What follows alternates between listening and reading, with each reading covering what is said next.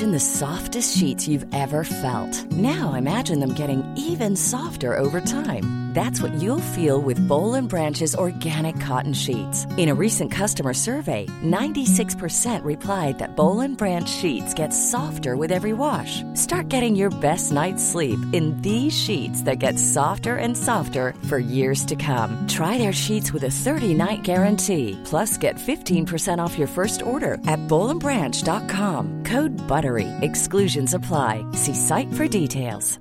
Ever catch yourself eating the same flavorless dinner three days in a row? Dreaming of something better? Well, HelloFresh is your guilt-free dream come true, baby. It's me, Kiki Palmer. Let's wake up those taste buds with hot, juicy pecan-crusted chicken or garlic butter shrimp scampi. Mm. Hello Fresh. Stop dreaming of all the delicious possibilities and dig in at HelloFresh.com. Let's get this dinner party started.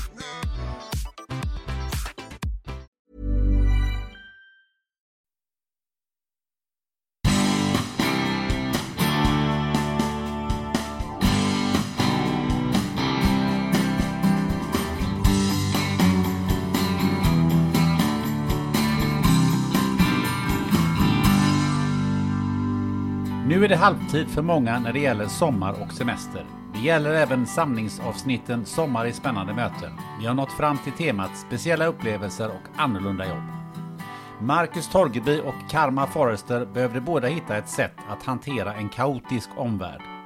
Marcus bosatte sig i en kåta i jämtländska fjällen under flera år. Karma började vandra. Stegen till brevlådan utökades till Kungsleden, USAs västkust och slutligen från Nordkap till Nya Zeeland. Här får du ett utsnitt från två av poddens mest populära gäster.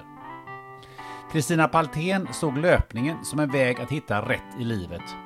Hur kom det sig då att hon sprang genom Iran? Och vad lärde hon sig där? Piloten Petter Hörnfeldt tar oss med ut på en flygtur där han förklarar en hel del av det du säkert undrat över.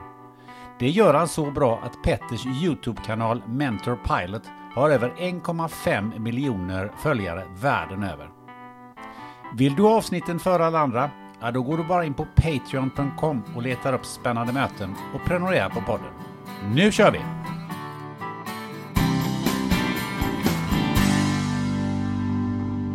Det är som ett timglas.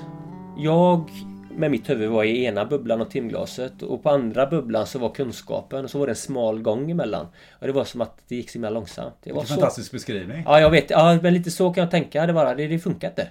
Eller ibland, ja men om en annan beskrivning kan vara om man går över en äng och så är det högt gräs. Normalt när du vänder dig om så ser du var du har gått. Men så var det inte för mig.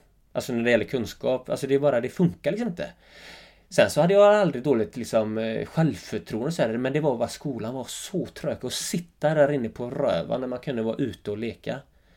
Du vet, så, så det var jobbigt liksom. Så jag sökte mig hela tiden till det fysiska. Jag, det har varit min gåva liksom. Jag har varit... Eh, jag har så fantastiskt lätt för det. Allting som har med kroppen och hjärtat att göra. Det är min styrka liksom. Jag har varit bra på att känna mycket. Så det var ju liksom det jag gjorde. Ja men du vet, man retar killarna som var äldre på högstadiet där och känslan av att bli jagad. Och veta att får han tag i mig så får jag en fet smäll. Det var ju underbart. Och springa järnet. Eller du vet, så här, nu på våren så luntar man ju ofta. Eldar alltså. Så vet jag att jag och en kompis, eh, vi, det var väl perfekt äng där vi tänkte att ja, vi tuttar på här. Och så just när jag tuttar på så bara kom vinden och bara nej, det är ju sån dålig kombo, vind och gräs. Och så Kalle då, en, en gammal gubbe som har just höll på att fixa sin båt där i ena hörnet av den här ängen. Och bara, ja, den här nervositeten, man kände att det här kommer gå åt skogen. Och så vet jag i huvudet att jag bara tänkte antingen springer jag här nu och då kommer det bli galet eller så försöker jag släcka liksom. Och när man precis känner att ah, det kommer att gå vägen sådär kommer att lyckas att släcka. Alltså det var väldigt härligt. Men du hade som... liksom så att du gillade att det var någonting on the edge? Att... Ja, ja. Någon kombination av att hjärtat skulle slå och lite adrenalin. Och så vet jag ju att efteråt när jag kommer hem så ligger mamma i soffan och så skrattar hon så himla mycket när jag kommer in. Så säger hon, gå och titta dig själv i spegeln. Så tittar jag mig själv i spegeln. Då har jag sjukt kort lugg och inga ögonbryn. och han som var med mig och eldade, han hade så riktig afro, så stort frisyr. Men han hade typ skitkort frisyr. Det var som att det vet, vi hade eldat så fruktansvärt mycket vet du. Visst bara att jag har något hår kvar och det är alltid ena så ena ljus krulligt bränt hår. så det var sött som var så... Ja, så, så, på något sätt det var det som gjorde att jag kände att det, det funkar liksom. Så när du har en sån kropp och ett sått huvud så var det svårt för mig med skolan och att mamma ligger på soffan med en lista i sitt huvud med grejer som måste göras. Vi var inne på det här med, med eh, hockey, men det som tog verkligen tag i det, det var ju löpningen. Ja, ja men det var ju så. Jag, jag sprang ju en liten tävling när jag var 12 år. 10 km på 38 minuter. Ju, ja men det är ju typ ganska bra liksom. Och jag hade aldrig sprungit då. Men på något sätt så kände jag att ah, det var något jag gillade där i. Alltså i det här att det bara var jag. Hockeyn var ju en lagidrott. Jag gick aldrig igång egentligen. Så sen började jag ju springa när jag var 16 liksom. Och då var det väl som att jag mindes den här gången när jag var 12. Att shit, det är nog det jag ska göra. Och sen bara söks jag in i den här världen. Bara älskade. Du hade någon tränare där? Ja, han var hård. Han gjorde det han hur, hur, hur eh, hamnade du i den här eh, riktiga träningen så att säga? Nej men jag slutade ju nian och sen så åkte jag med en kille från grannön som jag, jag kände egentligen inte men jag visste att han sprang med klubbestånd. Så jag åkte med han och så körde vi ett pass med han och sen så säger han att du ska ha en tränare. Så han presenterade mig för en tränare i Högryte. Som jag kände bara var klockren liksom. Kände att han var tydlig. Och jag behövde det då för det var oroligt i mitt liv. Så, så det var liksom så jag kom in i den världen. Jag, eh, så jag började träna för han och det var ju klockrent tyckte jag i början. Eh, jag hade ju jättehöga ambitioner på mig själv. Eh, jag var ju fyra på mitt första SF efter tre veckors träning. Och jag var liksom lite besviken att jag inte vann. Så det var ju de tankarna jag gick och bar på. Att jag tänkte stort om mig själv liksom. Och jag hade ju säkert... Jag hade fysiken och huvudet men men hur kom det sig att du tänkte så stort? Nej, där? men för att jag kände att jag hade det liksom. Och jag tror också att det hör ungdomen till. Men ibland så tänker jag också att jag, nu, nu blir det lite hoppigt där, men jag har ju tre döttrar och min äldsta dotter, jag kan känna igen mig mycket i hennes psyke. Hon är som en, eh, en hård gren. Du vet, du kan pressa henne ganska hårt, men hon kan knäckas också och då är det svårt att laga det. Min mellersta dotter, hon är som en, eh, en björkgren på våren. Hon böjer sig. Hon, du kommer inte knäcka henne men hon viker ner sig mycket tidigare. Så, så, så, det, så man märker att här, du kan inte pressa henne mer liksom. Och lite för mig så var det... Jag är den här hårda grenen. Och, och jag hade höga ambitioner men min tränare hade ändå högre. Och sen sen allting bara... En lång historia men allting skiter sig till slut. Jag vet inte om vi ska komma dit liksom. Eller, men det vart ju att... Eh, han satte sådana höga krav på mig och när jag inte höll måttet så bara tappade han ju det fullständigt. Och, och det var som att jag bara gick sönder i huvudet på något sätt. Men vem var han tränare för? Var han tränare för sig själv? För sina ja, egna framgångar? Precis. Eller? ja, det tror jag. Plus också att jag tänkte att eh, eh, Han tänkte att han gjorde det som var rätt. Så jag kände bara att ja, ja, det funkar inte för mig. Eh, jag Eh, nu efteråt har jag också förstått lite varför det blev som det blev. Han har ju också haft mycket grejer att brottas för. Men det är ju också, det är klart det är lurigt att vara ungdomstränare. Det kan ju fortfarande vara så i friidrottsklubbar. Du lever lite på dina adepters SM-poäng liksom. Alltså det blir som en, en, spegling i om du är duktig eller inte. Och det är klart det är lätt att, att trycka på mycket då. Det är klart det kan bli destruktivt. För det, det funderar jag på lite grann. Eh, alltså när man läser de träningarna som, som du gjorde. Där det egentligen inte fanns några viloperioder. Nej, nej. Eh, så blir man ju lite fundersam eftersom jag själv har jobbat som tränare. Och vet att det är lika viktigt att vila som att ja, nej, det har ju aldrig funnits. Så jag, så jag förstår hur, hur för det var inte så omodern träning ändå? Hur, Nej, vi körde... Ja, det jag tror när jag ser efter så, så var det ju... Vi sprang ju typ med laktat varje dag. Vad är laktat? Ja, som mjölksyra. Eh, det hade vi något inslag varje dag och jag sprang ju distans och styrka varje morgon så det var ju två pass om dagen och det gick ju så fort bara över sommaren när jag började skolan sen, gymnasiet. Så, så tränade jag ju ja, mellan 12 och 13, 14 pass i veckan liksom. Eh, och då blir man ju ruggigt, ruggigt sliten och jag trodde ju att ska träning ge något så måste det sida. Men, men eh, och jag gjorde ju som han sa liksom. Men det hade, hade kanske funkat för du har ju mycket hormonpåslag när du är ung. Du, du klarar mycket liksom. Men när du bor på en ö som är två timmar från, från stan liksom. Och så ska du hem och morsan ligger hemma och Ibland när hon, eh, pappa var borta och eh, hon skulle vända sig på natten så fick hon ju ropa så fick ju jag eller syrran fixa liksom. Men eh, med, med lite backspegel då, hade du haft en annan tränare? Tror du att du hade nått de här framgångarna som du drömde om? Ja, det hade blivit, jag hade sprungit mot det mycket fortare än jag gjort. Absolut. Men jag kan ju se sen så... Nu blev det lite hoppigt här men jag sprang ju några sådana här landslagsstafetter efter skogen. Men, jag, men det var ju som att jag... Jag hade ju en helt annan ingång till det då. Jag tänker ibland, ja... Det är klart det hade blivit mycket bättre om jag hade eh, träffat på ett... Träffat rätt liksom. Men jag har ju inte, jag har ju inte lärt mig så mycket som jag ändå har gjort nu så på något sätt vill jag inte byta. Men jag menar det är ju bara att träna så mycket och käka start och dricka sockerdryck på kvällen. Bara det och ingen... Jag tänkte inte på det och mina föräldrar hade fokus på morsan. Så det är mycket som jag har gjort fel liksom. Det här med vila har ju liksom aldrig funnits och tränar man mycket så måste man ju det. Men det fanns liksom ingen annan i klubben som kunde stoppa honom eller säga att... Nej men sen, jag ville ju också. Jag menar, det var ju inte det att jag eldade på också. Så, så, så det är ju inte bara sådär. Men jag menar... Var kom den eldningen ifrån? Nej, jag vet inte. Det har bara alltid funnits. Och det är liksom det är lite det som är det fina i mig, men också det som är jobbigt. Alltså jag gillar ju bara att ta i järnet liksom. Och ibland så... Jag menar, ens goda sidor är ju precis samma som ens dåliga. Det är bara att eh, de dåliga är 5% för mycket. Så, så hade jag bara backat 5% och, och, och det här är ju min utmaning liksom. Jag bara, det är bara... Det ska svidas och det ska vara på marginalerna helst bara precis överlevnad. Och det kan ju vara också en sån här helt annan grej som med mat liksom. Att jag har inte tänkt på det så mycket men nu så har jag en som, ja men vi pratade lite om det där med kost och sådär. Så säger man Marcus, du har ju drivit hela ditt matintag. Det handlar ju bara om överlevnad sådär. Men om du ska prestera så behöver du ha ett överskott. Och det har jag bara skitit i. Det har jag aldrig brytt mig om. Men det är klart, då blir det ju inte bättre än 30 som jag har gjort på milen. Men klart, hade jag bara haft vila eller hade Mustafa Mohamed levt mitt liv då hade han inte sprungit som han hade gjort. Det är punkt slut. Och det är ingen undanflykt utan det är bara så det är. Mm. Jag har ju valt att leva mitt liv. Jag har bott i skogen. Bott under en gran i fyra och ett halvt år. Och käkat havregryn och liksom det är klart då får du inte... Du får en mental vila men kanske inte den fysiska. Och jag har valt skogen.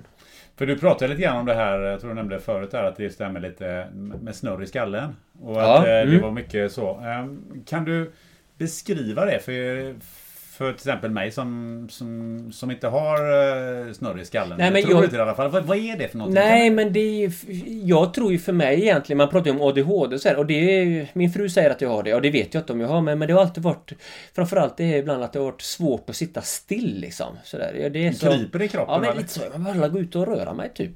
Sitta här, jag vill inte det. Eh, och det, ibland med att koncentrera sig Framförallt på grejer som jag inte diggar. Det är så svårt. Eh, och det kan ju låta bortskämt men jag ser ju också, man har olika förmågor på det. Jag kan ju bara se som mina barn då. Min äldsta hon kan ändå, hon kan bara sätta sig och göra och suga in det i huvudet ändå. Min mellersta, det går inte. Det handlar inte om att hon är lat. Är du med? Så, sådär. Och det är väl lite sådär bara. Och just i skolans värld man pratar, då är det så mycket man behöver göra som jag inte diggar liksom. Och det var, var och så ska man ju sitta där liksom. Det var jobbigt liksom. Men var det mycket tankar i huvudet också? Ja, men det också. Men jag har alltid tänkt stort liksom. Men sen har jag ju hållit det mycket för mig själv och det är därför jag mycket också gillar att springa. För det är som att med blodet och syret när det liksom pumpar på med lite fart, det är som att det, ja, allting klarnar på något sätt sådär. Det är inte det att jag bara är liksom destruktiv så, men jag bara...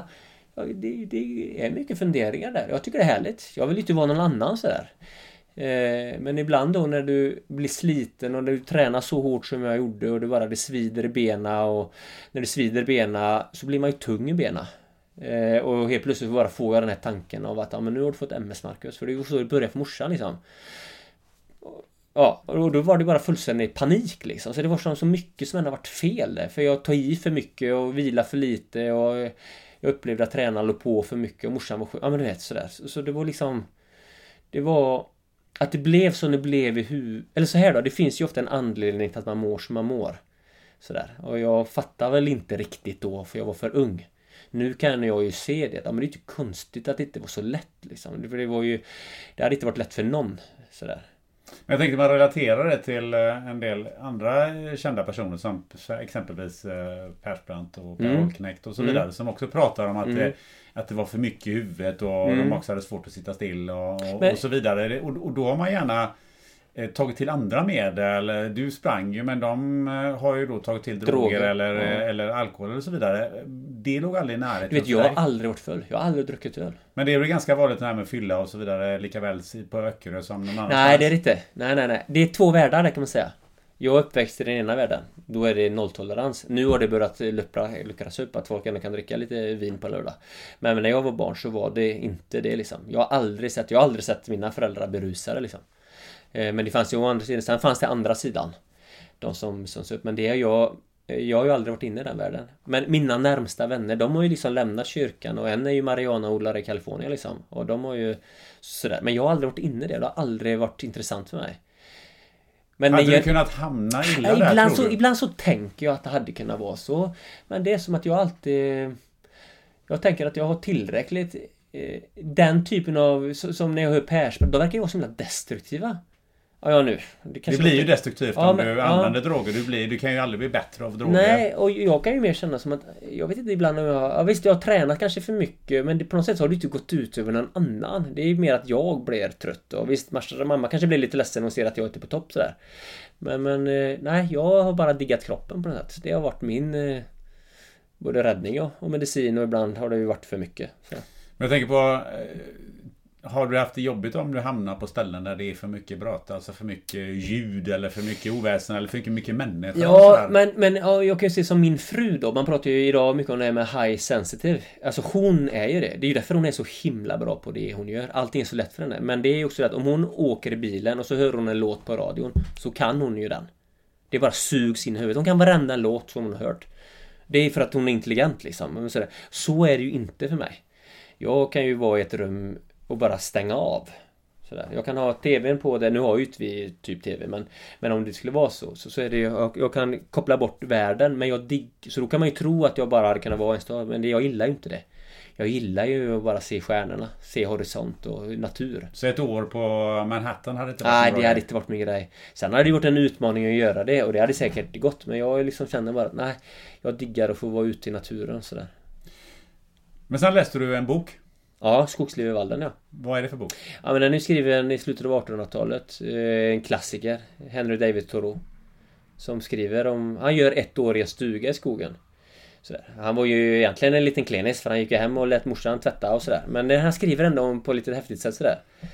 Så, så, hur kom du i kontakt med nej, den boken? Jag hade en tjej eh, på Donsö som heter Sara. Som vi var ihop ett par år och så eh, under tiden jag sprang liksom. Och hennes farsa, eller om det var mamma, pappa sa att Marcus, den här boken kan nog passa dig. Så då läste jag den. Så, och på något sätt så fick jag väl in eh, den, de tankarna i hjärtat på något vis. Det är inte direkt någon mainstream-författare. Nej, Nej, det är inte. Alltså, men, jag, men, har ju, jag har kollat de texterna lite grann och det är ju... Det är tungt alltså. Jag tappar ju bort mig efter tre rader. Jo, men du ska veta, jag har ju ens inte läst hela boken. Jag förstår vad du menar. Fortfarande. Den är ju svintråkig. Men folk som pratar att det är en klassiker. då tänker jag, ja men herregud vilken tråkig bok. Men den var viktig. Jag, jag, jag har ju sett när jag hör många Antingen säger de det bara för att det ska vara coolt Men jag vet att Göran Greider brukar säga Ja men det är ju Det är ju the book liksom Och det är många som pratar om det Men, men på något sätt så, så det, det startar ändå något liksom men, men alltså han, Den skrevs ju då 1854 ja, någonstans. Ja. Uh, läste du den på engelska och svenska förresten? Svenska. svenska. Jag är så kass på engelska. Herregud. Jag måste berätta om engelska. Nu den här nya boken, eller den gamla jag skrev, så den är ju och England och så. Här. Och så har det varit mycket intervjuer och så var det någon som sa, ja men hur har det gått? Ja men det går bra, jag var med i en sån här radioshow här och gick det, ja sådär typ. Ja men vilken var det då? Ja man heter Eamon Holmes. Eamon Holmes, han har ju 60 miljoner lyssnare. Och det vet jag på någon sån här knagglig blandning mellan öbo, svenska och engelska. Men ja, ja, nej jag läste den på svenska. Men han var ju eh, inte bara alltså författare, han var ju en sorts revoltör och nästan ja. anarkist och, mm, och, ja. och ville inte betala skatt och var mm. djurvän och vegetarian. Mm, mm. Vad var det du tog till dig? Nej, det var inte det. Det var, han bara beskrev eh, året ute från eh, rubriker som kläder, fåglar, alltså det var bara Egentligen bara eh, Bara året ute, jag förstår men det var egentligen inte, det har jag inte varit eh... Jag tycker den är heller den eh, eh, det, titeln Skogsliv vid Valden. Mm. Eh, jag som är tysktalande då, ja. så är Wald, ja. det betyder ju eh, Valt betyder ju eh, skog. Ja. Så det är mm. skogsliv vid skogen. Men Valden okay. var ju någon sjö. sjö. Ja, just. Mm, precis. Därifrån så... Nej men sen så ballar ju allting ur liksom. Hur då? Nej men det var ju det här. Jag fick ju den känslan när jag var så, vi tränade så jävla hårt och att benen var så sura att ja men nu har jag fått MS. Så det var ju bara fullständig panik inombords. Jag kunde inte andas. Jag var så himla orolig. Och sen så vi skulle kvala till EM, junior-EM, för jag hade sprungit en bra tävling året innan. Eh, och eh, jag kom inte i form, så vi åkte på höghöjdsläger. Och efter många om och men så kollapsade mitt fotvalv. Jag blev jätteskadad verkligen. Och gjorde jätteont. Och tränaren tycker mer att... Äh, det är bara att köra på liksom. Ja men det gör ju skitont. Min fot är ju som en fotboll. Och då säger han, det är inget fel på din fot utan det är ditt huvud det är fel på. Så det är bara att köra. Och då var det som att hela mitt liv, alltså hela huvudet rasade på något sätt. När jag kom hem därifrån så var det som att ingenting funkar. Jag kunde inte springa. Hade inget sätt att hänga upp oron. Och jag bara tänkte att hur katten ska jag göra nu då? Det finns liksom ingen välsignelse att få genom att prata med någon som är vuxen som säger mig vad jag ska göra. Jag måste hitta det själv. Så då tänkte jag att skogen blir kanske där det kommer ske. Om jag sätter mig själv i en situation som är typ tydlig. Svartvit. Ibland behöver man ju leva ett svartvitt liv. Men det... alltså skogen, det finns, Sverige är rätt stort och det finns rätt mycket skog. Jo, men jag, att, har... ja, men jag, ska till, jag ska till Jämtland. Jo, men skogen. på något sätt så det blir ju också som en liten sammanfattning här. Det var ju en process liksom. När jag kom hem från Öster, det gick ju inte på två veckor utan det tog ju något år, ett år. Så jag hade varit där uppe lite. Eh, jag kände väl bara att... Vad hade du gjort där då? Jag hade gått en liten en skola som man var lite med turism. Så när jag kom hem därifrån så kände jag att här. Det är där jag ska vara. Så för, det. För det var liksom aldrig aktuellt att lägga den i en skog någonstans i, i Bohuslän? Nej, nej, nej. Det är för nära. Det händer ingenting om man har människor för nära tror jag. Vi pratar himla mycket om det med teamwork. Men man måste ju kunna vara med sig själv, tänker jag. För mig var det det jag behövde. Jag behövde få vara själv liksom. Bara hitta in i mitt eget hjärta. Och då tänkte jag att ja, men då behöver jag leva ett liv som är närmare så som vi alltid har levt. Jag behöver brottas med det som är närmare basbehoven. Jag förstår du? Att frysa. Mm. Om du är orolig i huvudet. Så kommer du ut och fryser. Då kommer oron försvinna. Du kommer känna bara shit vad jobbigt det är att frysa. Så kommer du tända en eld så kommer du känna att det är gött. Förstår du? Så, så det är liksom så ibland jag tror man behöver handskas med skallen sådär. Hade jag kommit till läkaren idag med de bekymren jag hade när jag var 20 så hade de medicinerat mig. Ja, jag tror det är helt fel. Jag tror man gör... Det, ja, jo, jag står för det. Jag tror att det är helt bullshit så som man håller på idag. Ställ dig själv frågan, varför mår jag som jag gör?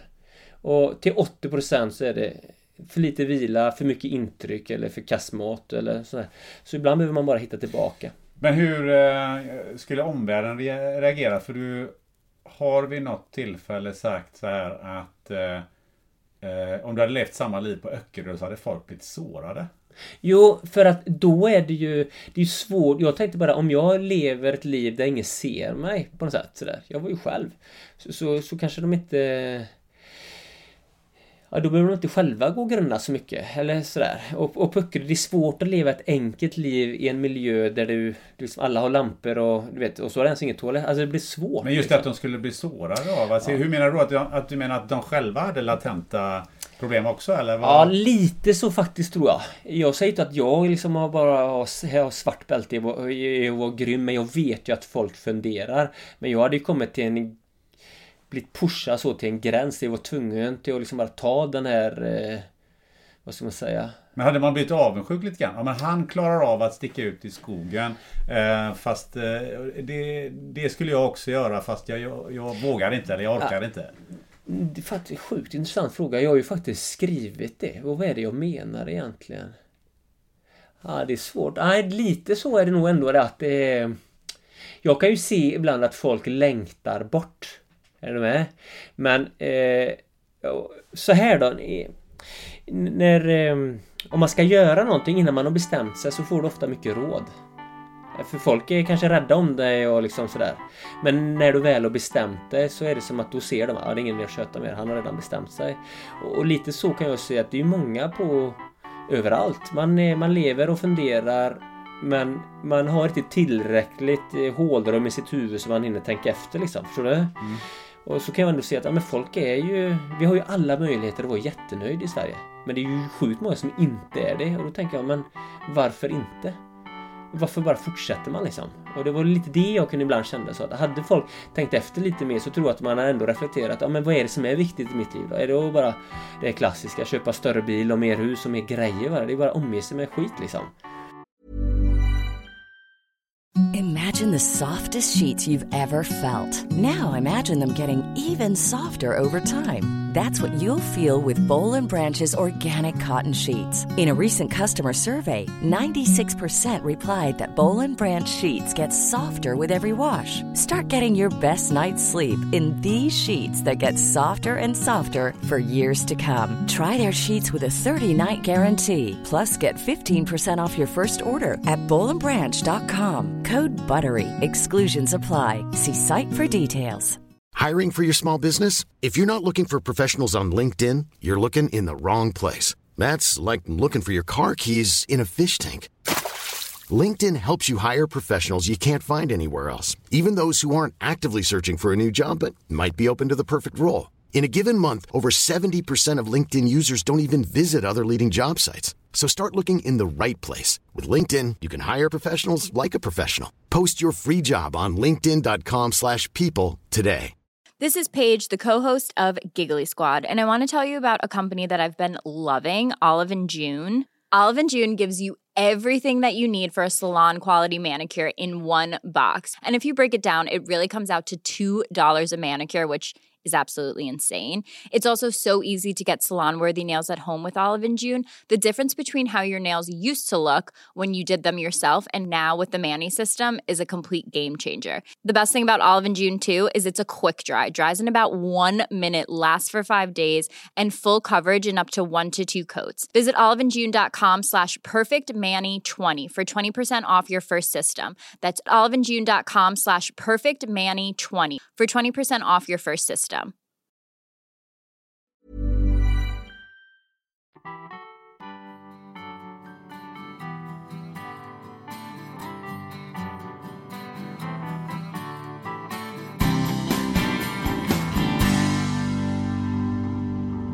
Som sagt, en väldigt klok vän till mig sa en gång, eh, hon sa det att ingen tackar dig för att du bränner ut dig. Så du måste ta hand om dig själv. Så sant. Det är många som borde lyssna på det där. Mm. Ja, och jag skulle ha lyssnat eh, lite mer ordentligt och lite tidigare tror jag på det För det var någon som sa till dig? Mm. Hon såg vart det barkade. Mm. Eh, Men dessvärre så är det ju svårt att lyssna när man redan är inne i den processen där. Alltså, så att jag, eh, jag var hemma ett drygt år sjukskriven. Mm. Och det var väl på väg tillbaka från den eh, sjukdomen som jag hittade den här vandringen. Att det blev det, den räddande receptet för mig. Hur gick det till? Ja, nej men alltså när man, när man har svårt att ta sig ur sängen på morgonen, att man har svårt att övertala benen att liksom bara hitta golvet så att man kan ta sig ur sängen och att gå upp till brevlådan är ett heldagsprojekt. Alltså man måste på något sätt hitta någonting som återför energi i kroppen och så man kan koppla an till någonting. Och jag försökte terapi och medicinsk yoga och lite allt möjligt tills de ordinerar liksom utbrända människor att försöka eh, läka ut. Men eh, det var främst när jag eh, hittade tillbaka till naturen som det började hända saker. Då var det korta promenader och då märkte jag liksom att ha, men jag fick energi av det här och liksom hjärnan slappnade av och hjärnan kunde liksom landa någonstans i nuet helt plötsligt. Någonting som jag inte upplevt på många, många år. Och, eh, så då började jag promenera mera och mera och ju igen då så blir det det här när man känner att läkning händer i kroppen. Det är väldigt häftigt att man får återkontakt med hjärnan, man får kontakt med liksom positiva saker som, som energi och, och drömmar och planer och sådana saker. Då, då började jag planera att jag ville vandra riktigt långt och se om jag kunde klara av det. Så då planerade jag min första långvandring. Det var sex veckors fjällvandring uppe i Norrland i Sverige. Så jag eh, och en kompis eh, vandrade Kungsleden plus en veckas vandring in i Sarek för vi ville eh, runda av den här Kungsleden är 440 kilometer lång och vi ville runda av det till 500 kilometer för min kompis fyllde 50 det året. Så att vi, Det var ett fint runt nummer tyckte vi. Eh, och de här sex veckorna var eh, alltså helt magiska. Det är ju en ganska ansträngande, krävande process att vandra med packning i hela dagen. Så att säga. Men eh, just det här att man känner att man får tillbaka energin i form av att man, man lägger sig utmattad på kvällen men att man sover gott, man vaknar full av nyfikenhet och, och, och energi för nästa dag. Det var någonting ganska nytt för mig och det liksom hände ju, ju längre man gick ju mer växte den här känslan av lugn och ro och välbefinnande. Så att jag, när jag kom hem från Kungsleden då så kände jag oj, det här var speciellt. Jag kände liksom att nu har jag hittat någonting. Jag började liksom känna att någon, ett frö hade börjat gro någonstans i mig. Jag kände att jag var inte färdig. Så att eh, jag, jag, ville, jag vågade liksom inte. Det, det kändes som att det var ett skört ägg. Ett litet, litet fågelägg som jag var tvungen att vårda på något vis. Om jag hade bara stannat då och försökt gå tillbaka till något jobb eller någonting, då hade det här sköra lilla ägget nog brustit igen. Det kändes som det var något så otroligt viktigt och så otroligt skört. Så att jag kände, okej, okay, men vandrandet fick mig att vakna upp. Då kan nog mer vandrande få mig att liksom hitta rätt. För jag kände att jag, jag hade liksom påbörjat någonting. Så att jag började titta, det här var så september, vandringssäsongen i Europa börjar liksom gå mot sitt slut. Så vad gör man då? Då liksom tittar ja men då är det södra halvklotet som gäller. Så jag tittade på vad det fanns för några vandringsleder där. Då landade jag på Nya Zeeland. Det finns en fantastiskt lång vandring som heter Te Araroa. Det betyder the long pathway på maori. Mm. Det är lokalspråk. Men då, det är en vandring som går hela vägen från längst upp på Norden och hela vägen till botten på Syden. Så hela Nya Zeeland eh, sträcker sig den här leden. Det är 3000 kilometer långt. 3000 kilometer? Ja, så 300 mil. okay. ja, och det tar väl ungefär, ja, för mig tog det fyra och en halv månad att vandra. Men jag bestämde mig med en gång att det här skulle jag göra, så hade två månader på mig att planera det här, köpte biljetterna och stack direkt över till Nya Zeeland. Och vandrade då den här långa leden. Och någonstans där halvvägs genom den här fantastiska vandringen så det, det kändes som det var en blixt från en klarblå himmel och helt plötsligt kände jag bara ah, okej. Okay. Det här är jag. Det här vill jag göra. Det här vill jag göra med resten av mitt liv. Det var liksom en, en fysisk känsla i kroppen eh, som gjorde att jag visste att jag inte var samma person som innan. Och jag visste att jag aldrig skulle kunna gå tillbaka till det livet jag hade levt innan saker som det här med karriär och sådana saker spelar liksom ingen roll längre. Jag hade ingen ambition alls att gå tillbaka till något 9 till 5 jobb eller reklambranschen på samma sätt som tidigare utan jag bara okej, okay, jag vill vandra. Jag vill bara vandra, jag vill bara må bra, jag vill bara, jag vill bara lycklig. Det är liksom min mission i livet är inte att bli någon, någon jobbtitel eller bli världens bästa någonting annat utan jag vill bara vara lycklig. Hade du den mission innan att du skulle bli världens bästa? Nej, men alltså så som man jobbar kan man ju fråga sig om vad man höll på med liksom. Så som man jobbade de timmarna och den, det engagemanget och det, det man offrade helt enkelt. Till och med till sin egen hälsa. Vilken fantastisk story. Mm. Helt underbart. Från att inte kunna gå till brevlådan ja. till att gå 300 mil. Ja. Det kallar jag utveckling. Ja. Hur, hur lång tidsram pratar vi om från brevlådan, brevlådegången till att du gick på Nya Zeeland? Hur många år är det? Brevlådegången till Nya Zeeland, det är nog eh, ett och ett halvt år kanske. Inte mer? Nej.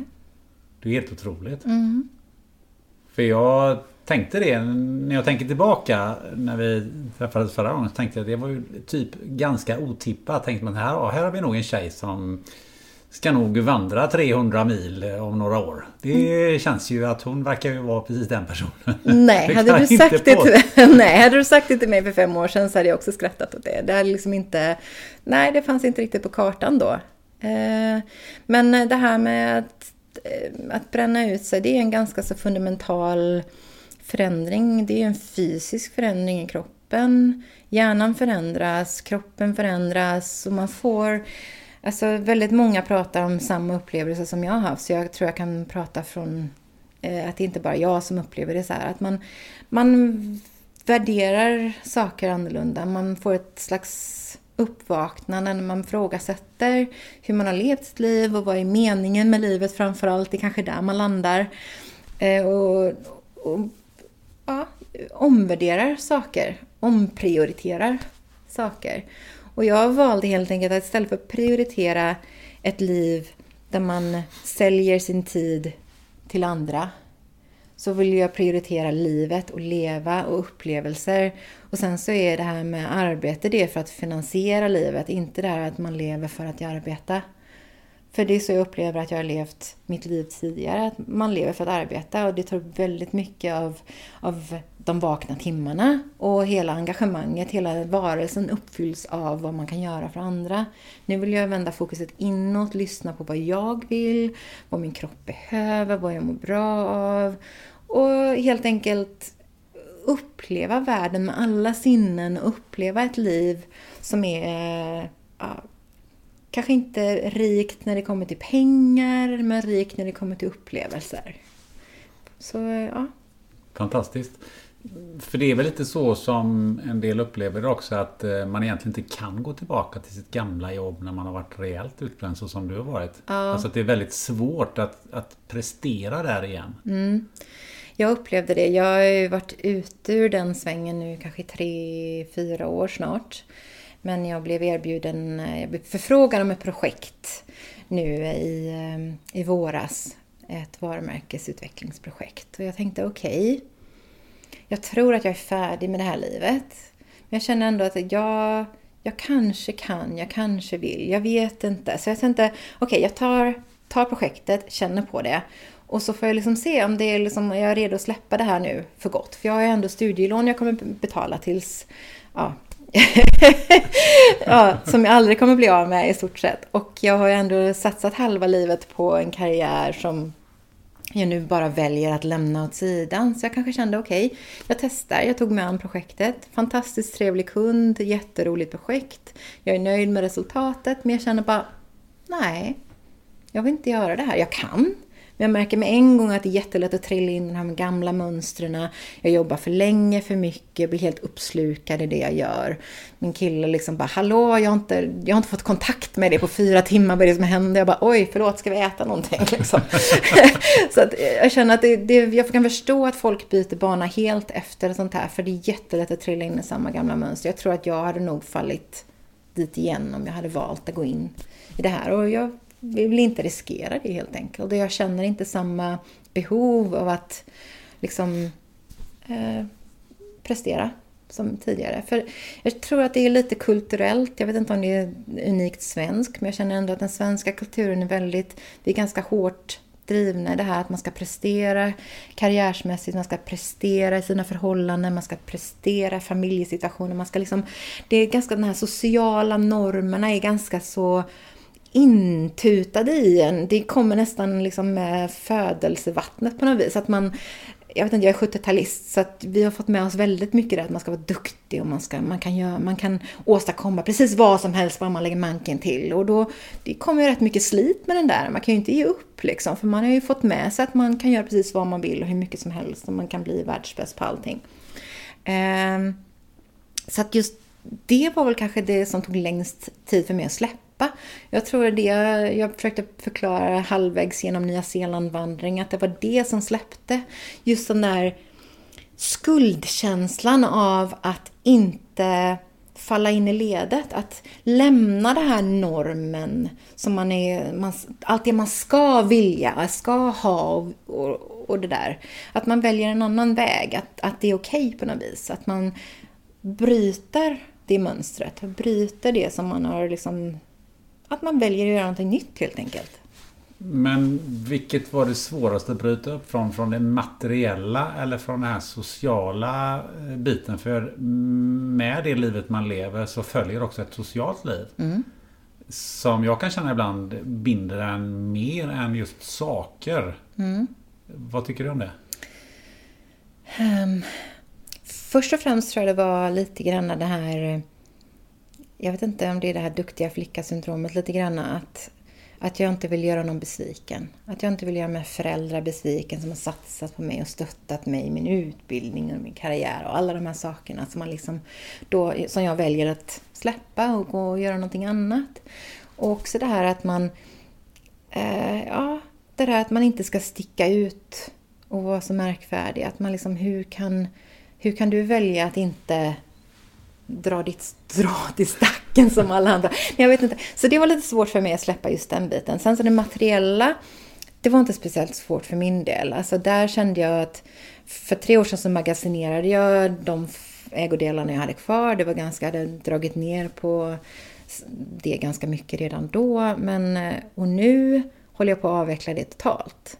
Jag kände väl att okej, okay, jag magasinerar grejerna nu för jag var fortfarande lite där när jag började de här långa vandringarna så kände jag nej men jag vill släppa det materiella.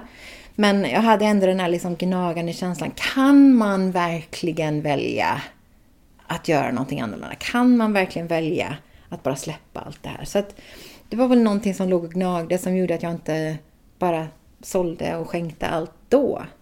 Men det är jag i processen av att göra just nu. Jag säljer lägenheten som jag har hyrt ut i flera år nu. Jag säljer alla möbler och all, skänker allt annat löst.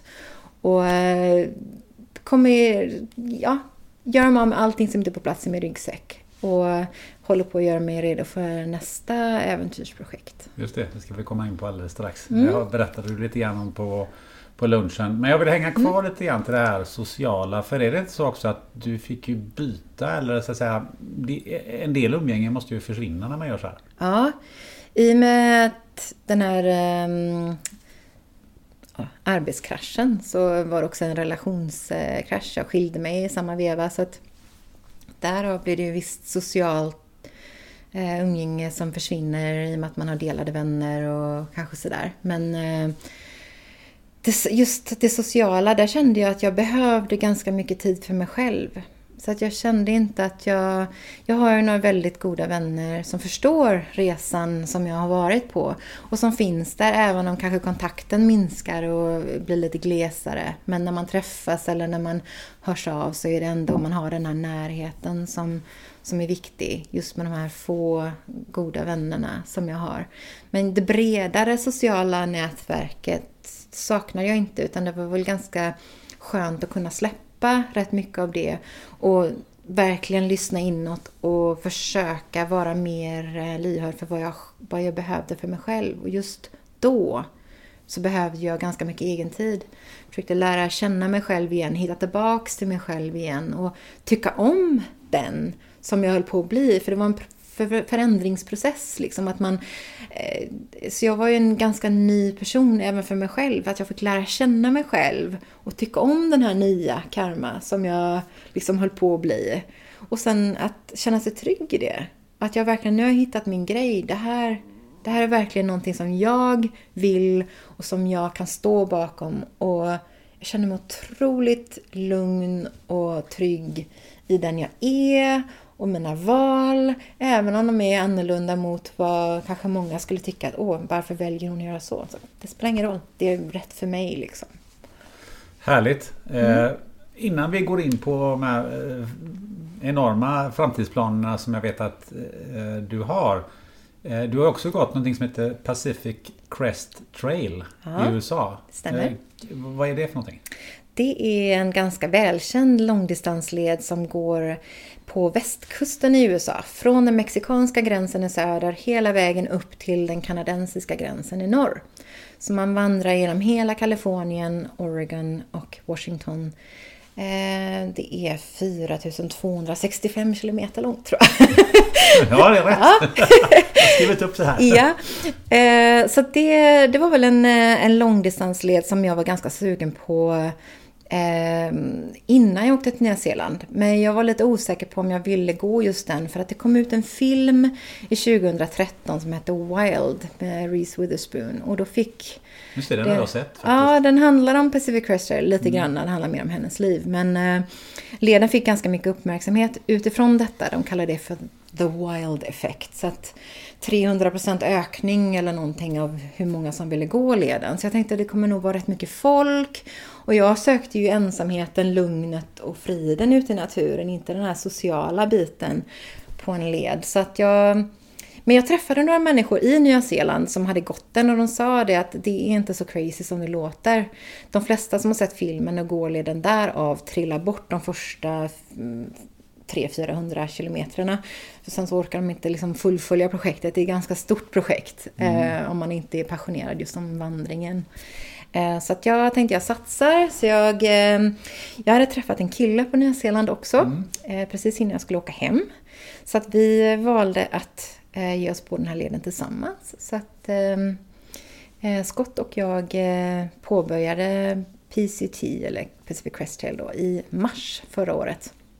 Det är en dryg en och en halv månad tidigare än de flesta börjar gå. Och det var ett ett medvetet val. Vi ville vara före det som kallas för the herd. Alltså mm. den här mm. stora klungan av människor där det är ganska mycket den sociala biten i fokus. Eh, så att vi låg före. Vi var bland de första som var ute på leden det året. Det innebar att vi sprang på en del snö i eh, de södra delarna. Även i öknen finns det höga pass där det var snö och så. Och eh, vi fick vara lite kreativa när det gäller de här höga Sierra-bergen där det var också mycket snö och sådär. Men, eh, Vad menas med att vara lite kreativa? Ja, vi fick, eh, vi fick... Vi tog en paus två veckor och väntade på lite snösmält och sen så fortsatte vi. Eh, för att det var rätt förutsättningar så att inte man går upp i de höga bergen när det är de sista vårstormarna och sådär. Så att man får tajma det rätt. Men fördelen med att ta sig an den leden tidigt är att jag hann i mål innan de här varma sommarbränderna som de har ganska mycket problem med i USA eh, började då. Så att jag låg precis framför de här skogsbränderna så att jag hann hela vägen upp till Kanada innan leden stängdes av bitvis då på grund av bränder och sådär. Så men det var en väldigt häftig upplevelse och det var, det var kul och jag hade velat göra den ganska länge. Jag hade gjort ganska mycket research på den och så. Men det häftiga med den var liksom att ganska många som är ute och vandrar sådana här saker gör det av någon speciell anledning. Att de, de vandrar för något syfte, någon välgörenhet. Eller att de vandrar för att de vill hitta sig själv. Lite så som jag gjorde i början. Att jag kände att jag behövde det fysiskt och psykiskt. Men när jag väl kom till PCT så, så hade jag liksom redan gjort den resan. Så att det var en ren vandring för njutandets skull. Jag var ute och vandrade för att jag älskar att vandra.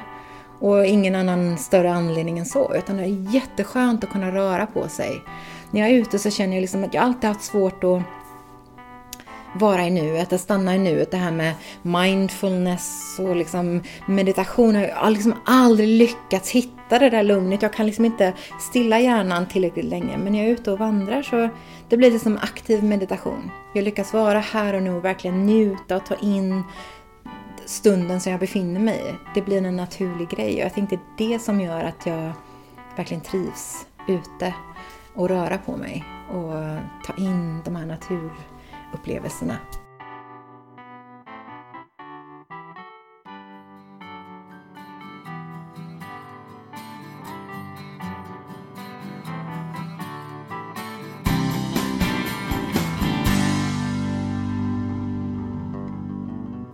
En sak som du förmodligen då inte hade gjort, skulle man kunna tro i alla fall.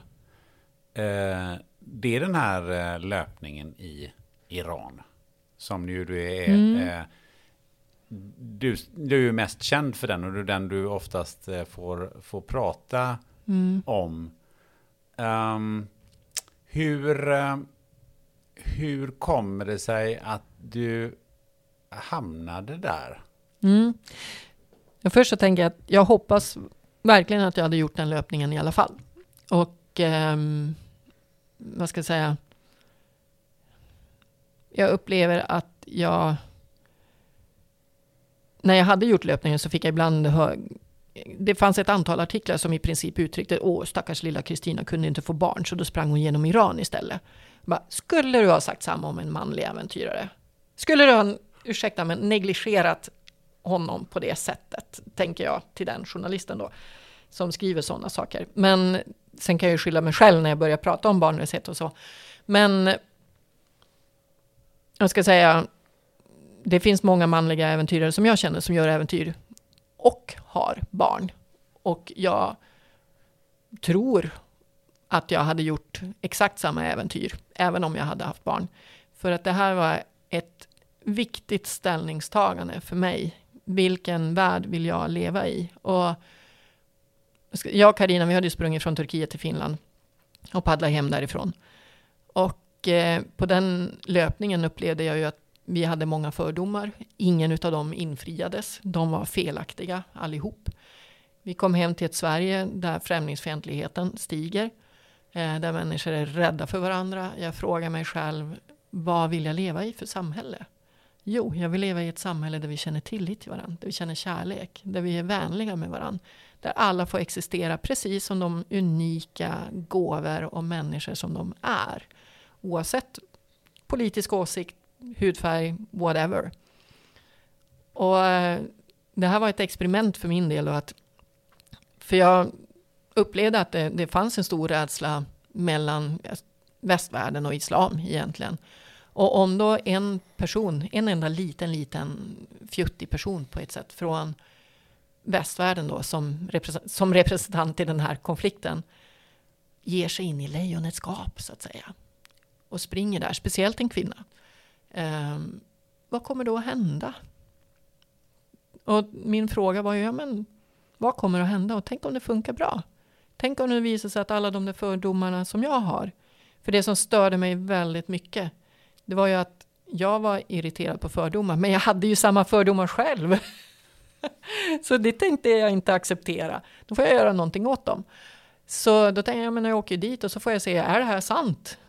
Kommer jag bli våldtagen, misshandlad och slängd i fängelse och kastad sten på? Kommer folk hata mig och tycka att jag är jättemärklig? Eh, eller hur kommer de att bemöta mig? Tänk om de är vänliga och tillitsfulla, vem vet? Och jag är otroligt glad för att utfallet blev att det var tillit i övermått som var det som kom ut ur det hela. Men det visste jag ju inte innan jag åkte. Men det där krävs ju ett eh, extremt eh, mod för så att det visste jag ju inte innan.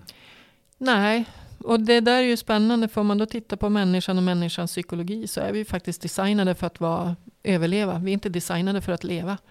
Och skillnaden på att överleva och leva tycker jag är ganska stor. Alltså överleva, det handlar om att åh, oh, puh, jag klarade dagen. Liksom, åh, oh, puh, chefen upptäckte inte hur dålig jag var. Jag slapp eh, bli uppsagd. Nej, men alltså det är att överleva. Och det är rädslobaserat. Och hjärnan är fem gånger mer känslig för rädsla. Det visar neurovetenskap. Eh, och jag tänker på jag ska säga, sen psykosocial, alltså socialpsykologi säger ju också att vi tenderar att vara rädda mot, gentemot andra grupper. Och det spelar ingen roll vilken den där andra gruppen är. Finns, jag menar, om jag sätter folk med orangea skjortor och folk med blå skjortor så kommer den, den gruppen med blåa skjortor faktiskt att bli rädd för dem i orangea skjortor till slut. Fast det finns ingen grund. Och så funkar vi människor. Och så funkar vi oavsett vart vi är i världen. Men är det då civiliserat att göra mina beslut och bete mig utifrån den rädslan. Det är inte civilisation i min mening. Civilisation är att kunna se igenom min egen rädsla och styra mot det jag står för. Och jag vill stå för vänskap, jag vill stå för kärlek. Jag vill stå för varje människas både möjlighet och rätt att vara sig själv. För det är då jag anser att, att vi mår bra. Och jag tänker jag antar att du mår bra av att göra den här podden för att du tycker det är roligt. Och när du mår bra, ja men då, då skickar du ju positiva signaler till alla andra runt omkring. Och tänk om alla människor gjorde det, vilket samhälle skulle vi ha då? Så... Ja. Men det är det här med modet, för att mm. du måste ju ändå någonstans innerst inne trott på att du inte blir stenad eller att du inte mm. blir våldtagen. Ja. Och det måste ju tagit avstamp i någonting då. Ja, och det där är jätte viktigt och jättespännande för att det som var osynligt, det är ju att det är ju just så det är. Hade, jag, hade rädslan Alltså den, det medvetna var ju att rädslan var ganska stor. Jag skrev ju ner alla rädslor. Jag var rädd för 22 stycken olika saker. Så det har jag på papper liksom. 20, vänta lite nu. 22 stycken olika ja. saker. Exakt så? Ja, precis. så, fast annat Hur också. rutar man in Man får väl ha lite. Kan du, där, kan du utveckla det? ja, men, ja, ja, men jag bara skrev ner i ett Excelblad vad jag var rädd för och så, och så satte jag poäng på dem. Vad är jag mest rädd för? Och det är egentligen, alltså okej. Okay. Du är ingenjör va? Ja. Och jag är nog lite enkelspårig ibland, tror jag. För jag följde ju upp dem också som sagt. Och, och så sen så graderade jag om dem längs vägen för att se, sätta, satte jag poäng på dem längs vägen också för att se hur det där varierar. Så printade jag det i Excel då när jag kom hem såklart för att se vad som hade hänt. Så det är jätteroligt att se hur rädslorna varierar. Och det är ett sätt att översätta jag ska säga, känslor till mer konkret data. Vilket jag tycker är jättespännande. Och just det där Alltså skillnaden i att observera rädsla och att vara min rädsla är jättestor. Att jag säger, okej okay, nu är du rädd Kristina. Du är skiträdd för det här. Men du vill ju göra det ändå. För att det var så mycket värt för mig. Och där, i den processen så fanns väldigt mycket också att jag fick skilja på min rädsla och andras rädslor. Um, min syster till exempel var ju väldigt rädd att jag skulle inte komma tillbaka hem. Och det hon var egentligen rädd för då, det var hur tar hon hand om min mamma och pappa? Om de får uppleva att deras dotter inte kommer hem igen. Samtidigt säger jag, ja men det är min systers rädsla. Inte min. Min värdering, mitt fokus är det jag vill skapa i världen. Alltså en värld med mer tillit och mer kärlek och öppenhet. Ehm, då kan ju inte jag skita i att åka för att min syster är rädd. För hon ger ju uttryck precis för det jag vill motverka. Men jag älskar min syster och jag vill ta hand om henne så mycket jag kan. Så då gjorde jag ju en massa grejer för att hon skulle känna sig trygg. Och till exempel att jag hade en, en satellitsändare som visade på en karta vart jag var och så hade hon lösenord till den hemsidan så kunde hon se vart jag var. Och så om, då, om hon skulle se att den flyttade på sig, men då fanns det en hel grupp som jag hade satt ihop med lite olika människor som skulle vidta åtgärder om jag försvann. Men eh, måste hänga kvar de här 22 rädslorna. Hur, hur utvecklades de? Vilka var de, vilka var så att säga i topp? Ja. Eh, och vilka var i botten? Mm. Och uh, vilka var i topp när du var klar med det här och vilka var i botten då? Mm. Om man tar den som var allra högst upp i topp, det var att jag skulle springa där längs vägen med min barnvagn, sätta upp mitt tält, gå och lägga mig, somna. Och så att någon person har observerat och följt mig medvetet. Och sett vart jag satt upp tältet och så krypa in i tältet när jag ligger och sover. Och då antingen för att våldta mig eller missta, misshandla mig eller råna mig eller vad som helst. Um, och den kan jag hantera på många sätt, alltså praktiskt men också mentalt. Uh, men, vänta lite, stanna i den. Vad, mm. vad, hur hanterar man det? Eh, då kan jag ju tänka, ja men bo på hotell. Alltså om jag är i en stad. Sen fick jag tipset av min kompis Amir att ja, men om du är i en by och det inte finns några hotell eller vandrarhem eller så, då kan du alltid fråga familjen, om någon familj, om, om du kan sätta upp ett tält i deras trädgård. Och då kommer de säkert att bjuda in dig också. Så jag har faktiskt aldrig sovit i mitt tält på hela den här löpningen. Så, och så sen kan jag välja, men jag behöver inte ta mitt eh, självlysande orangea tält och sätta upp det så att det skriker liksom, här är hon. Utan jag kan ju ta mitt gröna tält som inte syns lika bra. Så det är den praktiska åtgärden. Den mentala åtgärden, det är ju, okej okay, om det nu är våldtäkt jag är rädd för i det här fallet. Um, ja, om jag tittar på statistik i Sverige så är de flesta våldtäkterna i nära relationer. Om jag antar att människan funkar likadant i Iran så äh, har jag inga nära relationer i Iran. Samtidigt är det jätteroligt, för att säga till en svensk kvinna som är rädd för att springa ute på kvällen när det är mörkt, att säga att vet du vad, egentligen borde du vara mer rädd för män som du har i din närhet, för det är mer sannolikt att någon av dem skulle våldta dig än att du blir överfallsvåldtagen när du är ute och springer. Det funkar ju inte. Vi funkar ju inte så. Vi är inte rationella i rädslan. Men vad ska jag säga, det rationella argumentet funkar ju till viss del. Men sen sättet att ta hand om rädslan här, det är ju att okej, okay, jag hör att det förmodligen inte är så stor sannolikhet att jag blir våldtagen eftersom de flesta våldtäkter förekommer i, i nära relationer och jag har inga nära relationer i Iran. Men jag är fortfarande rädd, för tänk om jag blir våldtagen? Ja, okej. Okay. Rädsla är en känsla. Glädje är en känsla. Lycka är också känsla. Det gör ingenting med mig annat än att det är känslor som finns i min kropp.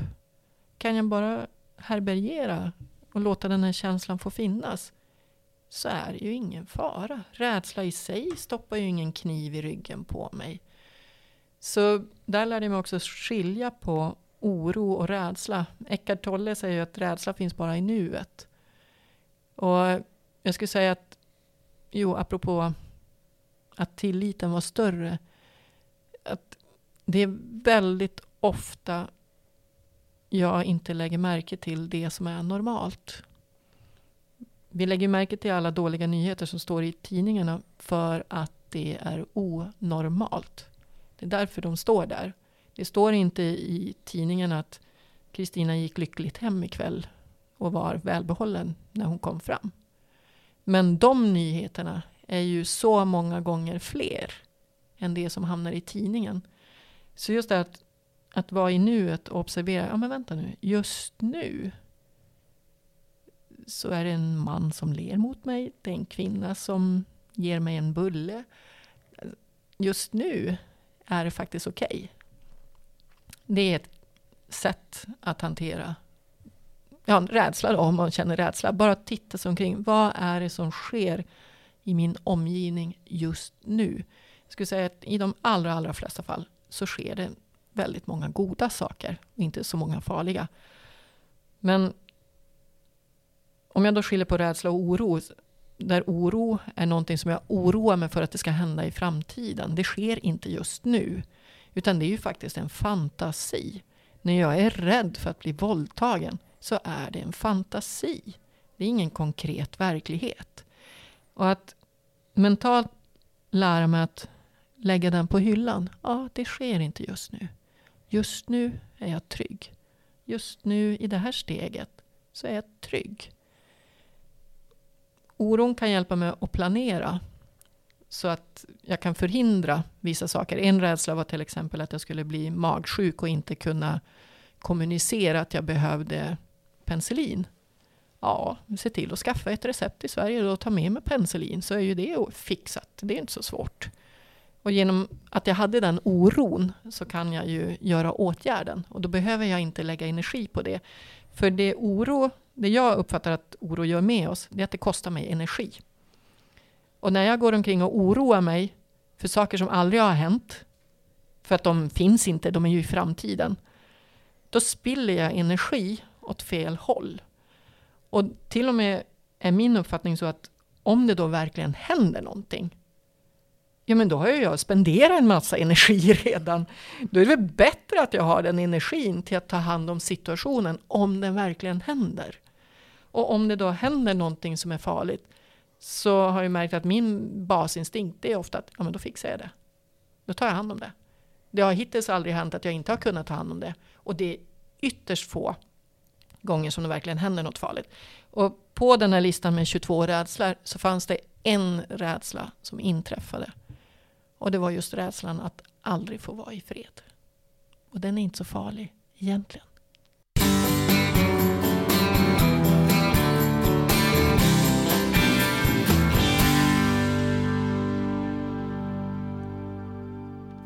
Väntar du eller någon i din närhet barn? Ja, då kanske ni har funderat på om det finns en sannolikhet att barnet har en kromosomavvikelse. Podden sponsor Life Genomics erbjuder Harmony NIPT, ett genetiskt fostertest med väldigt hög precision för att upptäcka de vanligaste kromosomavvikelserna. NIPT görs på ett enkelt blodprov från mamman som utförs på labbet i Göteborg. Gå in på hemsidan fostertest.se och läs mer.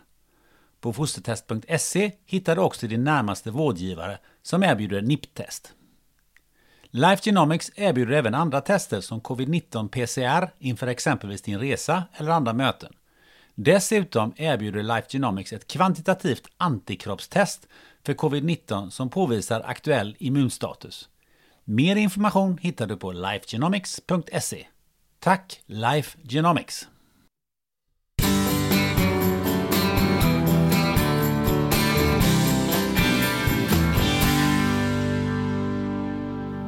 Så eh, alla de här eh, rädslorna, förutom den, var någonstans nere i, eh, jag vet inte vad du hade för diagram, men de var ganska långt ner i alla fall. Jo, de hamnade väldigt långt ner. Sen de två som steg, eller det var ju tre som steg. Det, var, det är jättekul att se det diagrammet, för rädslan att bli misshandlad, våldtagen, satt i fängelse och så vidare, de är jättehöga innan jag åker. Så fort jag kommer dit till Iran så inser jag, men vänta nu, jag möter enormt mycket vänlighet. Det här är en annan verklighet än vad jag trodde. Då går ju de rädslorna ner. Men det som går upp, det är ju rädslan att aldrig få vara i fred. Och det är den största rädslan under löpningen. Och det handlar ju också om att jag som person är ganska dålig på att säga nej. Och i det här fallet så ville jag ju inte säga nej heller. Jag hade ju hoppats att det skulle bli så här och det blev ju det. Men sen är det också rädslan att bli påkörd och bli skadad eller bli påkörd och dö. Och det är ju den konkreta verkligheten. Jag var ju i en trafik som var hemsk ibland.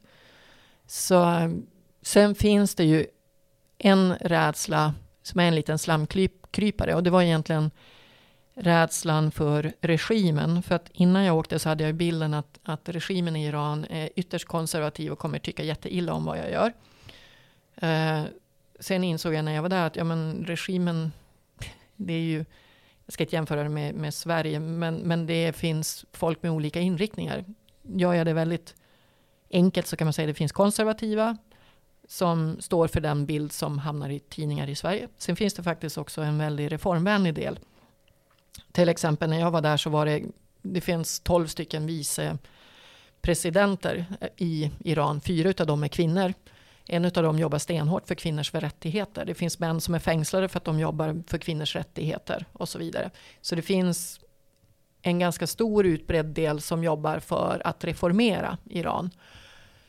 Eh, Jo, så min rädsla när jag åkte det var ju rädslan för regimen men den blev faktiskt omformad under tiden. Och den blev först till en rädsla för människor som vill tvinga mig att leva på ett sätt som de definierar. Inte som jag har valt själv. I Iran då representerat av till exempel lagen om att du ska bära slöja om du är kvinna. Om du är man så får du inte gå i shorts, du ska ha långbrallor. Du, ska, du måste täcka dina armar också, men du får ha kortärmat om du är man. Så det tycker inte jag är acceptabelt på en mänsklig nivå att sätta sådana lagar. Och ja, tittar jag på Sverige så finns det ju faktiskt partier som vill definiera att du ska vara svensk för att få vara medlem i Sveriges nation. Och nation, då skiljer man på nation och medborgarskap. Så att, men nationen ska då stå för historien och för kulturen och så vidare. Och då undrar jag, vem ska definiera vem som är svensk? Vem ska definiera hur jag ska bete mig för att vara svensk? Och det är ju, jag ska säga, på sitt sätt en mildare grad än en lagstiftning. Men att via hot och våld och förtryck bestämma hur andra människor ska leva. Det är inte okej okay i min värld. Och eh, så rädslan för regimen blev till en rädsla för människor som vill förtrycka andra människor och bestämma över huvudet på dem hur de ska leva. Och den rädslan är inte en rädsla längre, utan den har blivit mer en mission. Att, ja men vänta, jag vill stå för någonting annat. Jag vill stå för... Jag, menar, jag tycker ju att varje människa är, i min värld, en gåva Född till att vara just den du är för att leva det du tycker är viktigt och det, det är det som gör att ditt liv känns kul och som ger dig mening. Det ser jag som ditt syfte. Och att varje människa ska ha friheten att få leva det rent lagligt, det är ju en sak. Sen att varje människa ska ha möjlighet att göra det ekonomiskt, kulturellt och så vidare. Det är en annan sak och det är det jag vill stå för.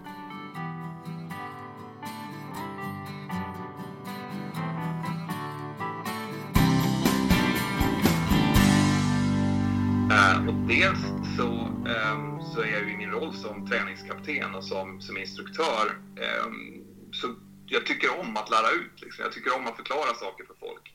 Det är någonting som jag, som jag alltid har tyckt har varit, varit roligt.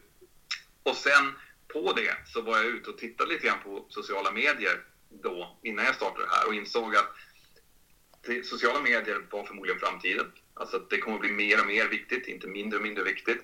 Och när man gick ut och sökte efter till exempel hur det är att vara pilot så hittar man ju bara ganska snabbt till olika forum där folk var enormt negativa. Och jag frågade mig, liksom, jag, jag älskar mitt jobb och tycker att det är jätteintressant. Hur kommer det sig att det är så mycket folk här ute som säger att det är skit?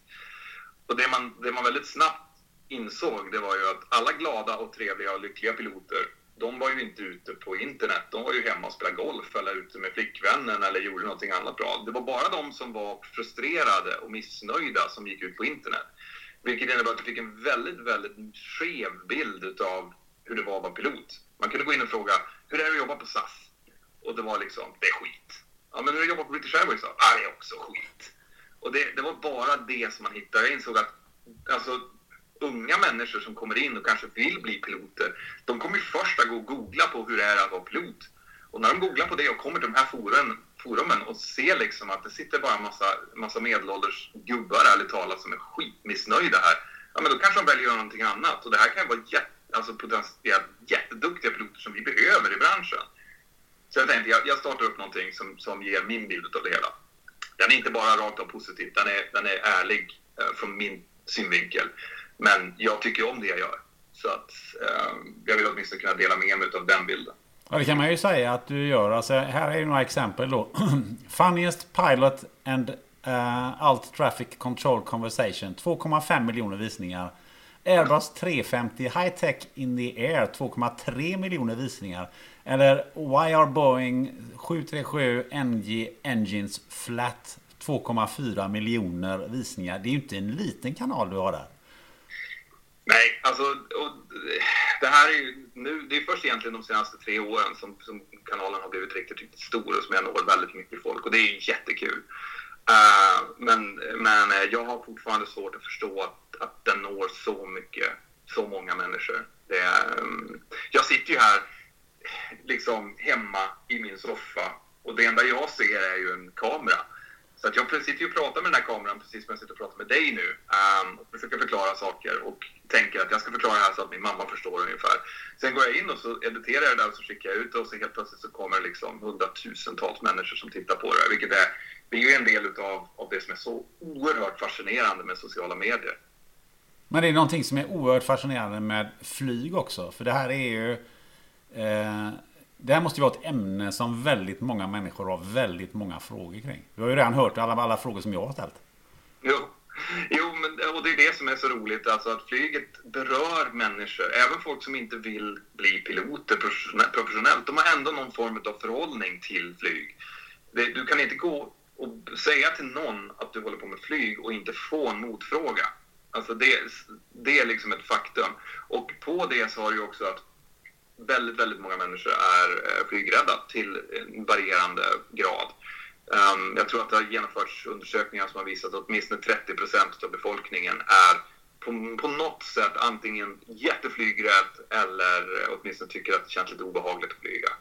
Och har du det, då innebär det att där finns det en massa saker som skulle kunna förklaras, som skulle kunna berättas om. Och det är därför jag kan Jag har över 500 videos ute ehm, på min kanal. Men är det ett bra sätt att eh, bota eller åtminstone minska flygrä flygrädsla genom att, att eh, ta fram fakta? Mm, för vissa är det det. Det, är inte, det hjälper inte alla. Um, det beror väldigt mycket på varför folk är flygrädda till att börja med. Om det bygger på en, eh, ett missförstånd, um, att man inte riktigt förstår hur det fungerar och därför tycker att det är väldigt läskigt. Man har varit, kanske haft en flygning där det har varit väldigt turbulent och och, eh, och inte förstått varför och trott att det har varit farligt och det har lett till flygrädsla. I de fallen så kan det hjälpa väldigt mycket. Eh, I andra fall så är det faktiskt så att som, som våra hjärnor fungerar så har vi en tendens att hela tiden söka efter mönster. Och eh, väldigt många blir flygrädda helt plötsligt. Alltså utan att det finns någon egentlig anledning till det så har folk till exempel har fått barn och blivit flygrädda eller senare i livet helt plötsligt helt enkelt började tycka att det var väldigt obehagligt att flyga. Och i de fallen så är det väldigt ofta kopplat till att någonting har skett, en större förändring i livet på ett eller annat sätt. Till exempel som sagt att få barn, eh, skilsmässa, byta jobb, flytt. Någonting sånt där som, eh, som, är, som har varit väldigt stressigt för dem Och som vår hjärna tenderar att fungera så, så, så vill den gärna projicera rädsla på någonting. Om det finns någonting, ett allmänt obehag och du då tar ett flyg någonstans så tar liksom hjärnan chansen till att ah, det här är varför jag är så himla nervös och varför jag mår så dåligt. Det är därför att jag flyger, därför att det är farligt, då kommer man ramla ner. Och där, då sätter sig flygrädslan på ett annat ställe och i de fallen så, så och när du är riktigt, riktigt flygrädd, då kan du behöva faktiskt gå till en psykolog och, och få professionell hjälp med det. Då hjälper det inte att få, få information. Men de allra flesta mår bättre när de förstår mer. Ja, hur, hur, kan man hjälpa flygrädda? Eh, ja, som sagt, jag, jag säger ju till alla att försök att lära dig så mycket som möjligt om, om flyget. Försök att och, um, ja, men följ Youtube-kanaler som min till exempel eller läs om det eller någonting och så sen försök att, att, att successivt jobba med dig själv. Ta ett flyg tillsammans med någon som du mår bra tillsammans med, din partner eller en bra kompis. Och ta, ta ett flyg, en kortare flygning inrikes till exempel. Och, men ha då liksom en, se till att du har att du, du vet vad det är som kommer att hända, att du har lärt dig lite grann hur flyget fungerar. För då kan du börja koncentrera dig på andra saker. Om du till exempel vet när du sitter och väntar, väldigt många får ju, får ju eh, liksom nästan panikångest när de sitter i, vid incheckningen eller i, och väntar på, flyg, på flygplanet. För det känns liksom att nu, nu, nu är sista chansen att springa iväg här, nu är sista chansen att fly. Men om du under den tiden istället koncentrerar dig på att, ja men titta där, nu sitter piloterna där, nu vet jag att de håller på att, att lägga in rutten, att de håller på att göra sina checklistor, att de redan har gått runt och kontrollerat att flygplanet är helt och att allting fungerar som det ska. Uh, om, du sitter, om du istället koncentrerar dig på någonting sånt, ja, men då kanske du glömmer den här liksom, känslan att du vill försöka springa därifrån. Och samma när du sätter dig ner och flygvärdinnorna börjar sin genomgång och de stänger dörren och sånt där. Vet du då vad som händer och hur det kopplas ihop med hur hela, liksom hela flygningen fungerar, då kan du koncentrera dig på det och det är mycket möjligt att du kommer att känna mycket, mycket bättre då. Eh, jag har jobbat på eh, för länge sedan jobbat på incheckningen på Landvetter på med charter. Eh, det var ett av de roligaste jobben jag faktiskt har haft. Men eh, jag har en känsla av att eh, mycket flygrädsla yttrar sig i att folk blir lite halvt aggressiva. Är det, ja, det är en naturlig, en naturlig reaktion. Alltså om du känner dig hotad så, kommer, så är ju aggressivitet vårt sätt att, att eller reptilhjärnans liksom, sätt att hantera det. Eh, dock skulle sägas att det är, jag, jag tror att det är mer, eh, mer stressrelaterat än, att, än rädsla. Eh, de som är rädda, de, det är klart att du, du kan säkert trycka dem till att bli till att bli aggressiva, men de tenderar inte att bli jätteaggressiva. Men däremot så är väldigt mycket folk stressat därför att man tenderar att ha för lite tid på sig. Eh, man kommer i sista minuten för att checka in. Eh, du har inte räknat med att du måste sitta och gå igenom en Kö som är jättelång. Um, du är lite hungrig, lite trött. Um, och och liksom den här, allt det där kombinerat gör att du blir mer och mer och mer irriterad. Och de som kommer få ta den där, den där irritationen, det är ju de som representerar flygbolaget. Det är ju de som sitter i incheckningen, de som sitter i, står i gaten eller flygvärdinnorna. Liksom. Det är de som kommer ta den där brunten utav att folk förmodligen skulle de ha tagit en halvtimme eller 45 minuter extra på sig så skulle de ha kunnat suttit och tagit en kopp kaffe och vara mycket, mycket bättre humör. Eh, tillbaka till din, eh, din mentor Pilot. För det, det, finns ju både på Instagram och på, på Facebook har jag sett. Och, och även din egen eh, webb. Eh, där jag noterat att det, det finns quiz man kan göra om man eh, är riktigt nördig. Alltså, jag jobbar ju, det jag gör nu, nu är ju det här mitt, mitt, mitt jobb. Um, I och med att jag inte flyger någonting nu på grund av corona så är ju, så är ju Mentor Pilot och allt det omkring det jag gör på dagarna, det som driver min inkomst. Så att, eh, att vara närvarande på sociala medier som Facebook till exempel är en ny grej. Jag har, inte, jag har inte jobbat med Facebook så mycket tidigare, men jag gör det mer nu. Där har jag ett team som jobbar lite annorlunda. Där, där söker vi efter, efter content som kan vara intressant från flyget inte bara mitt eget, det jag skapar själv, utan även andras och får, eh, söker deras tillstånd, köper rättigheter till att visa det på vår sida och försöker då att, att generera så mycket intresse runt flyg som möjligt. Min YouTube-kanal, där handlar det om att jag förklarar saker. Det kan vara allting från eh, till exempel krascher som har hänt, där jag går igenom eh, Final Report, alltså den rapport som har gjorts efter att, eh, efter att undersökningen av flygkraschen har blivit färdigställd och eh, jag förklarar olika system och jag pratar om nyheter om saker som har hänt inom flygbranschen och hur jag ser på det. Så den, min, min Youtube-kanal är väldigt mycket mer kanske professionellt inriktad.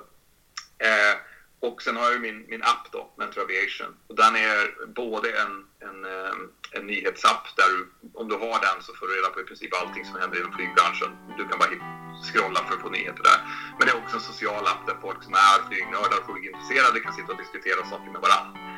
Eh, och sen min webbsida där jag, där jag har ett team anställt för att skriva artiklar om vad som händer inom flygbranschen. Så det är, väl, det är liksom många grenar utav Mentor Pilot just nu.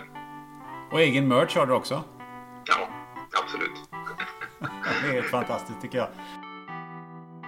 Du har lyssnat till det 161 avsnittet av podden Spännande möten. Blir du inspirerad att lyssna på intervjuerna i sin helhet eller vill veta mer så kan du gå in på spannandemoten.se eller så bläddrar du helt enkelt fram det på Spotify eller någon annan poddplattform. Hur ser det ut framåt då? Jo, närmast kommer femte avsnitt av Sommar i spännande möte med rubriken AI och framtid med bland annat AI-visionärerna David Fendrich och Amer Mohammed. Redan nu jobbas det hårt med gäster som du kommer få träffa i höst. Första vanliga intervjun kommer den 24 augusti. Eller vanlig och vanlig intervju. Du kommer att få följa med till vad som egentligen hände vid morden med Alexander den där ödesdigra dagen i slutet av maj 1999. Till nästa avsnitt så vet du vad du gör. Du sätter dig med en vän, du tar något gött att dricka och diskuterar vilket som är det konstigaste jobbet du har haft i ditt liv. Ha det gött!